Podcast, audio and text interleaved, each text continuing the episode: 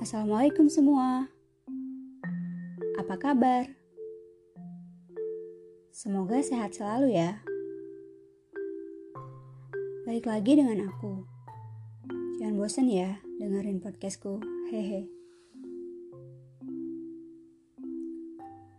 Hmm, tentang rindu. Semua orang pasti pernah merasakannya. Rindu sering kali dikaitkan dengan jarak. Seolah yang bisa merindu hanya mereka yang tengah menjalin hubungan jarak jauh. Yang berada pada lokasi yang terpisah. Padahal, menurutku nggak cuma itu loh. Rindu terkadang juga terkait waktu ketika kita menyadari bahwa sudah jelas kita tak mungkin kembali memutar waktu.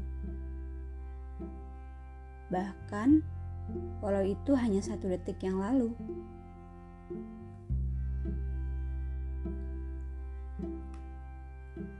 Rindu juga tentang momentum. Momen berkesan yang acap kali melayang-layang dalam ingatan.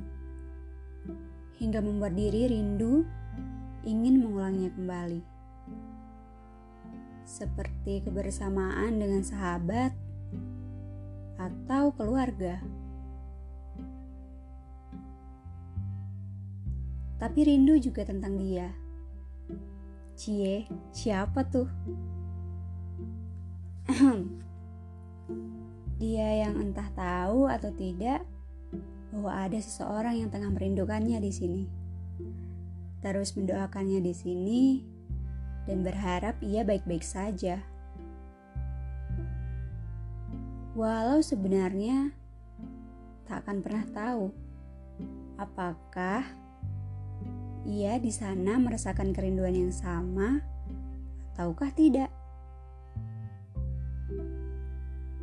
Eits, jangan senyum-senyum gitu dong. Kita memang bisa menyembunyikan rasa rindu dari orang lain. Namun, kita tak akan bisa membohongi diri sendiri.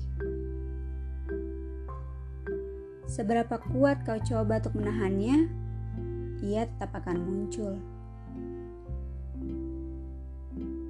Tapi aku mau nanya satu hal deh. Pernah gak sih kita rindu melakukan hal-hal yang Allah suka. Pernah gak? Nah, bisa kalian jawab dalam hati sebagai bahan evaluasi diri ya. Well, teruntuk kamu yang tengah merindu. Tak apa, nikmati prosesnya walau rumit dan tak menyenangkan. Semoga tak lelah dilatih rindu yang bertubi.